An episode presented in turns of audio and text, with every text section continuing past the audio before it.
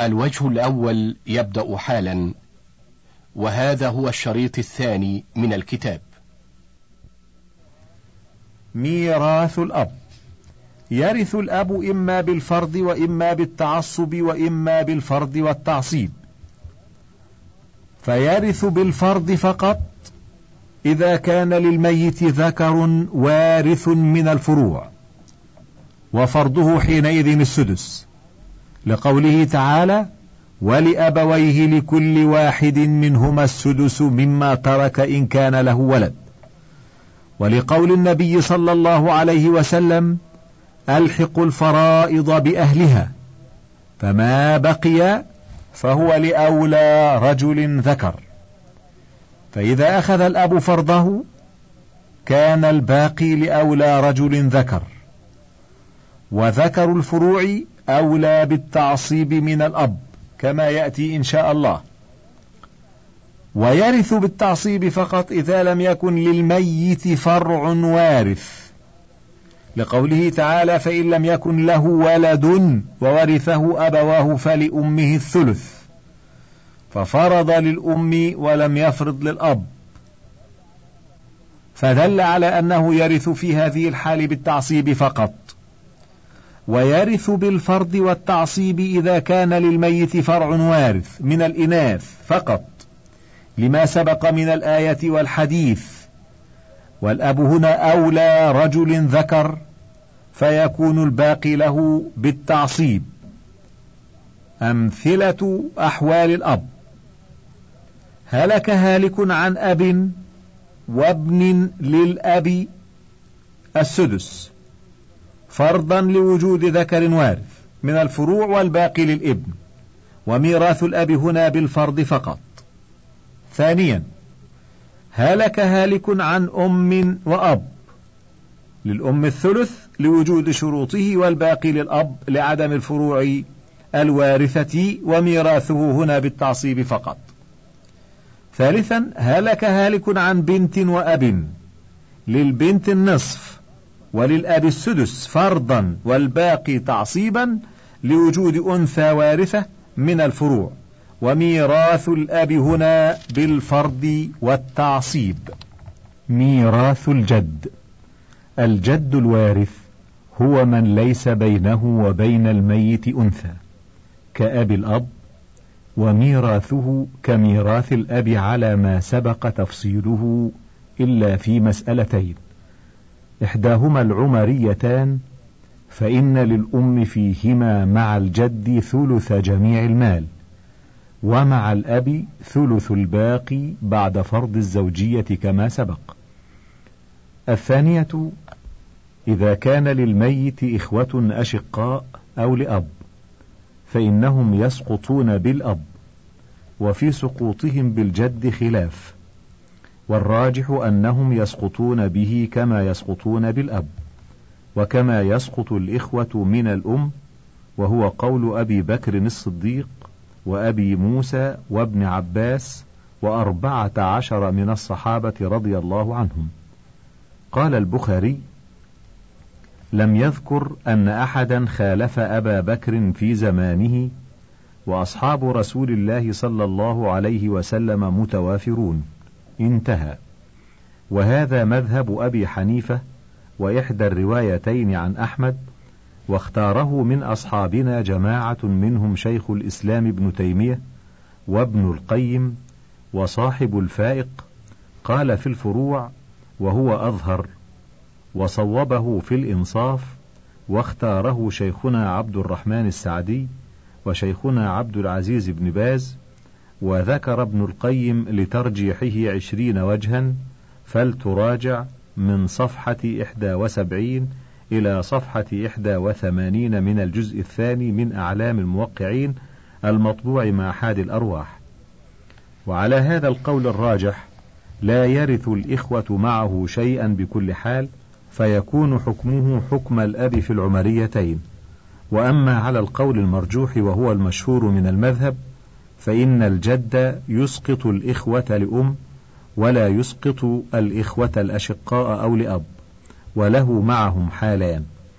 إحداهما ألا يكون معهم صاحب فرض فميراثه في هذه الحالة الأكثر من ثلث المال أو مقاسمة الإخوة. والضابط في هذه الحال أنه متى كان الإخوة أكثر من مثليه فالأكثر له ثلث المال ومتى كانوا أقل فالأكثر له المقاسمة. ومتى كانوا مثليه استوى له الأمران. فلو هلك هالك عن جد وثلاثة إخوة فالأكثر للجد ثلث المال فيأخذه والباقي للإخوة.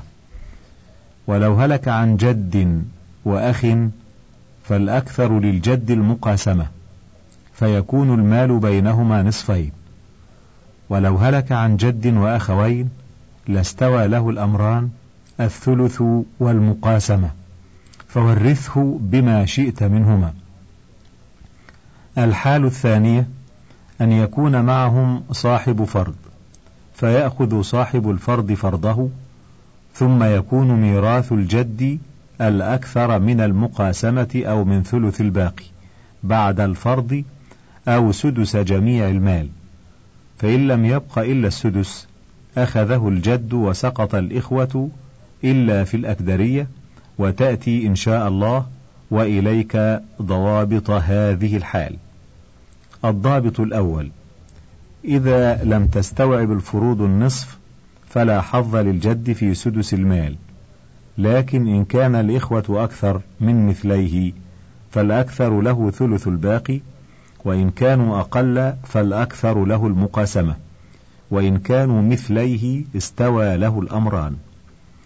فلو هلك هالك عن زوجة وجد وثلاثة إخوة فللزوجة الربع ولا حظ للجد في سدس المال وهنا الإخوة أكثر من مثليه فالأكثر له ثلث الباقي فيأخذه والباقي بين الإخوة.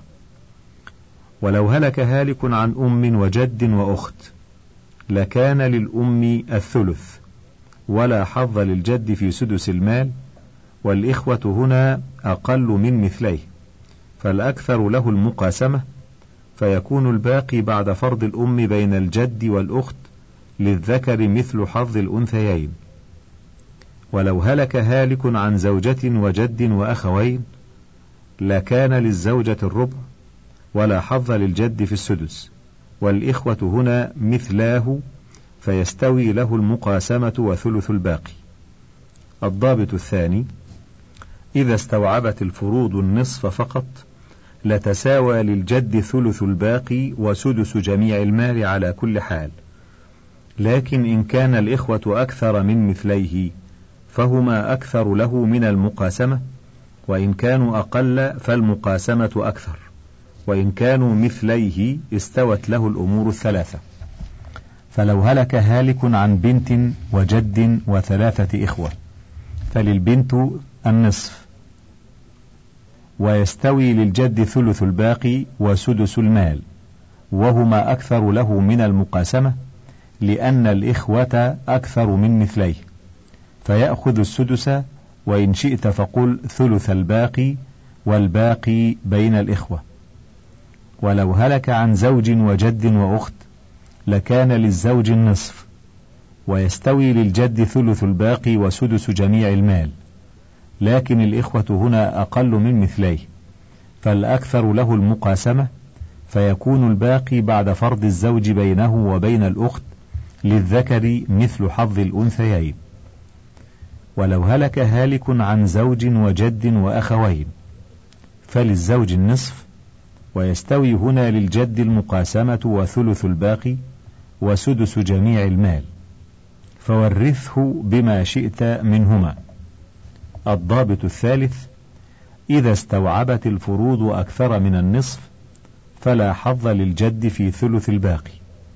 لكن إن كان الإخوة مثليه فأكثر أو كان الباقي بعد الفروض أقل من الربع فالأكثر له السدس. وإن كانوا أقل من مثليه والباقي ربع فأكثر نظرت أيهما أكثر له المقاسمة أم سدس المال؟ فلو هلك هالك عن بنتين وزوجة وجد وأخ فللبنتين الثلثان وللزوجة الثمن ولا حظ للجد في ثلث الباقي ولا في المقاسمة فيأخذ السدس والباقي للأخ. ولو هلك هالك عن بنتين وجد وأخ فللبنتين الثلثان ولا حظ للجد في ثلث الباقي.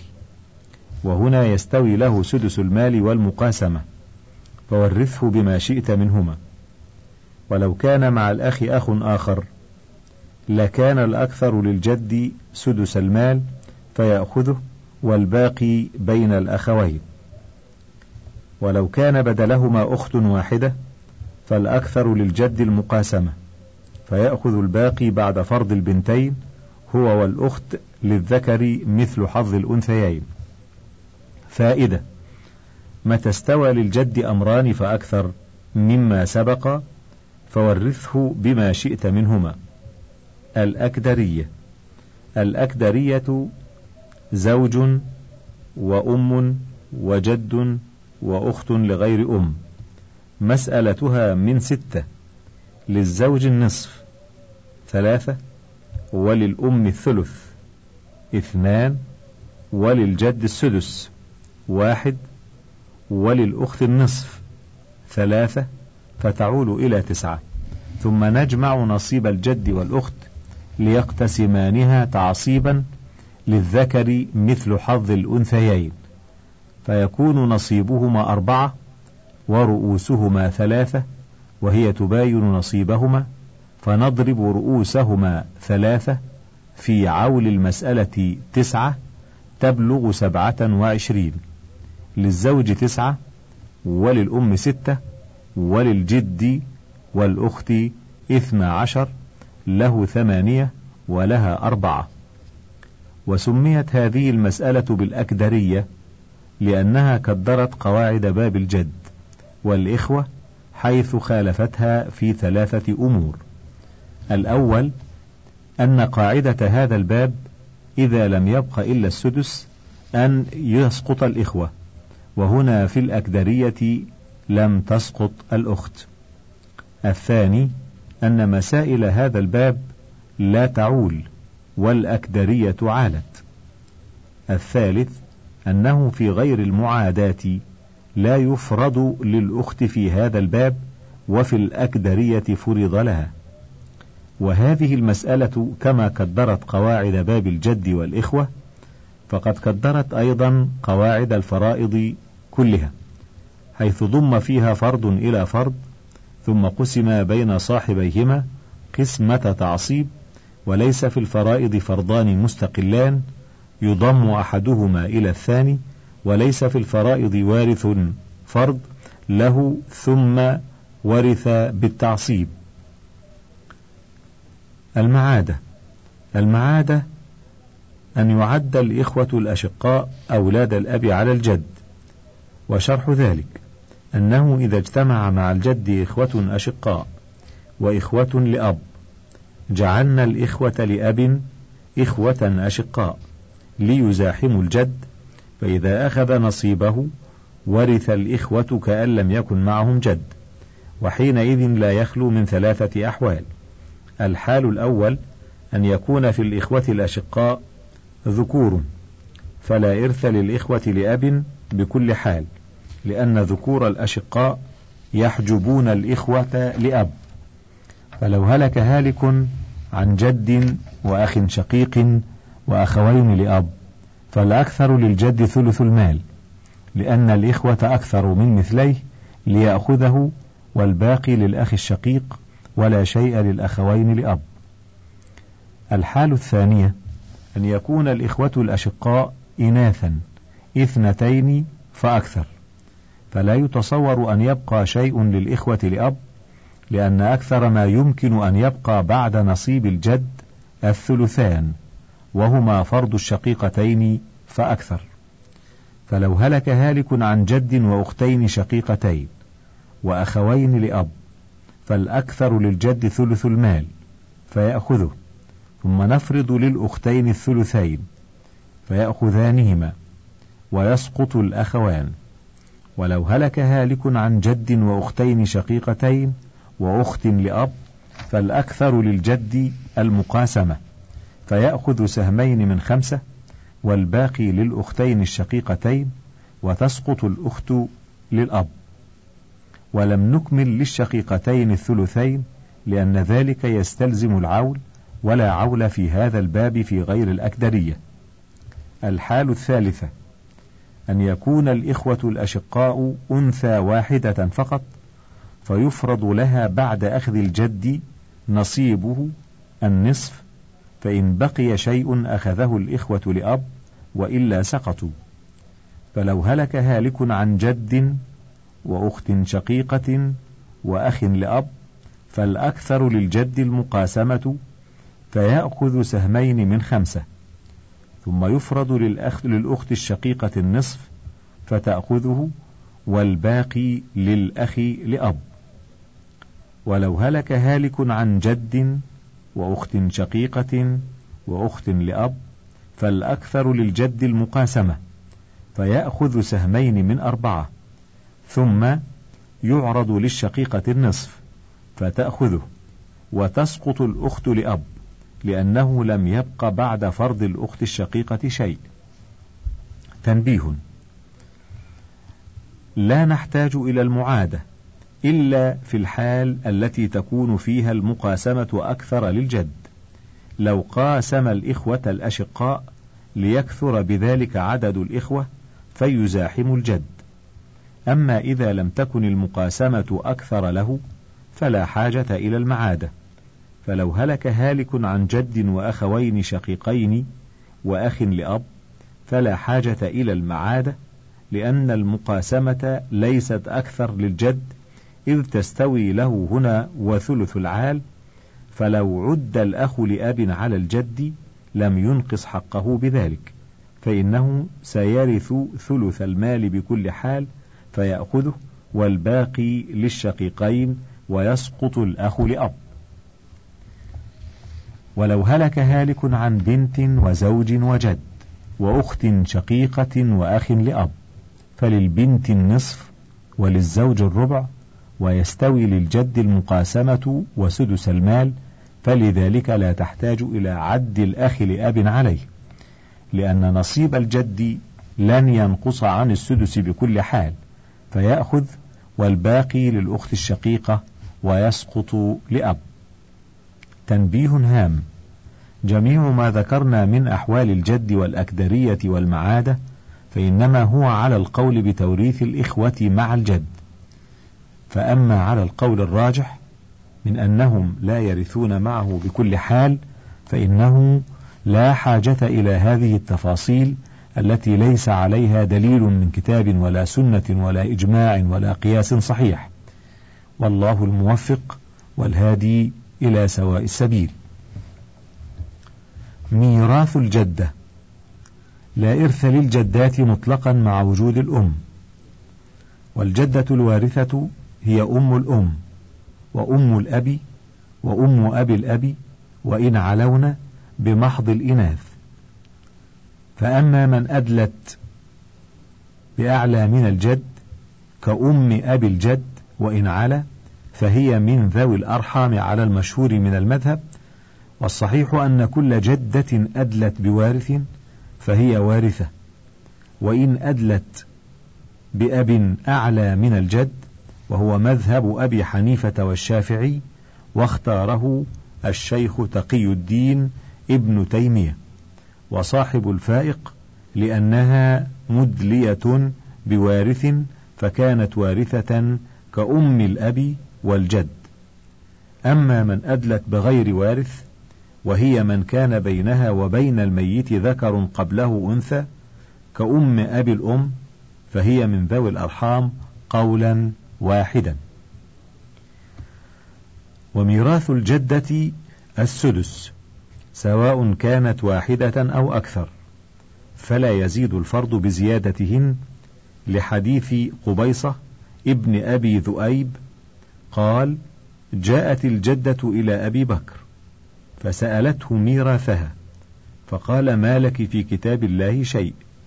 وما علمت لك في سنة رسول الله صلى الله عليه وسلم شيئا. فارجعي حتى أسأل الناس. فسأل الناس. فقال المغيرة بن شعبة حضرت رسول الله صلى الله عليه وسلم أعطاها السدس. فقال هل معك غيره؟ فقام محمد بن مسلمة الأنصاري فقال كما قال المغيرة. فأنفذه لها أبو بكر. قال ثم جاءت الجدة الأخرى إلى عمر فسألته ميراثها فقال ما لك في كتاب الله شيء ولكن هو ذاك السدس فإن اجتمعتما فهو بينكما وأيكما خلت به فهو لها. رواه الخمسة إلا النسائي وصححه الترمذي. وقد نقل محمد بن نصر اتفاق الصحابة رضي الله عنهم أن السدس فرض الجدة الواحدة فأكثر. فإن تعددت الجدات وتساوينا في القرب فالسدس بينهن بالسوية. وإن كان بعضهن أقرب من بعض سقطت البعيدة سواء كانت من جهة الأم أم من جهة الأب. وإن أدلت إحداهن بجهة وأخرى بجهتين فلذات الجهة ثلث السدس ولذات الجهتين ثلثاه فإذا هلك هالك عن أم أم وأم أب وعم فللجدتين السدس بالسوية والباقي للعم. ولو هلك عن أم أم أم وأم أب وعم فالسدس لأم الأب فقط لأنها أقرب والباقي للعم. ولو هلك عن جدة هي أم أم أمه وأم أم أبيه وجدة أخرى هي أم أبي أبيه وعم فللجدة الأولى ثلثها السدس وللجدة الثانية ثلثه لأن الجدة الأولى أدلت بجهتين والثانية أدلت بجهة واحدة والباقي للعم. وصورة هذه المسألة أن يتزوج بنت خالته فتأتي بولد ثم يموت الولد عن الجدة المذكورة وعن جدة أبيه مثاله أن يكون لهند ابنتان زينب وحفصة ولزينب ابن اسمه محمد من زوجها علي. واسم أم علي فاطمة ولحفصة بنت اسمها أسماء. فتزوجها ابن خالتها محمد فأتت بولد اسمه بكر. ثم مات بكر عن جدتيه هند وفاطمة. فلهند ثلث السدس لأنها أدلت بجهتين إذ هي أم أم أم وأم أم أب. ولفاطمة ثلثه لأنها أدلت بجهة واحدة مع ذات جهتين إذ هي أم أبي أب. ميراث البنات. البنات يرثن تارة بالفرض وتارة بالتعصيب بالغير. فيرثن بالتعصيب بالغير إذا كان معهن أخوهن لقوله تعالى يوصيكم الله في أولادكم للذكر مثل حظ الأنثيين ويرثن بالفرض إذا لم يكن معهن أخوهن فإن كانت واحدة فلها النصف وإن كانتا اثنتين فأكثر فلهما الثلثان لقوله تعالى فإن كن نساء فوق اثنتين فلهن ثلثا ما ترك وإن كانت واحدة فلها النصف. وروى جابر بن عبد الله رضي الله عنهما أن النبي صلى الله عليه وسلم أعطى ابنتي سعد بن الربيع الثلثين. رواه الخمسة إلا النسائي. فلو هلك هالك عن بنت وعم فللبنت النصف لأنها واحدة ولا معصب معها والباقي للعم. ولو هلك عن بنتين وأب فللبنتين الثلثان للتعدد وعدم المعصب وللأب السدس فرضا والباقي تعصيبا.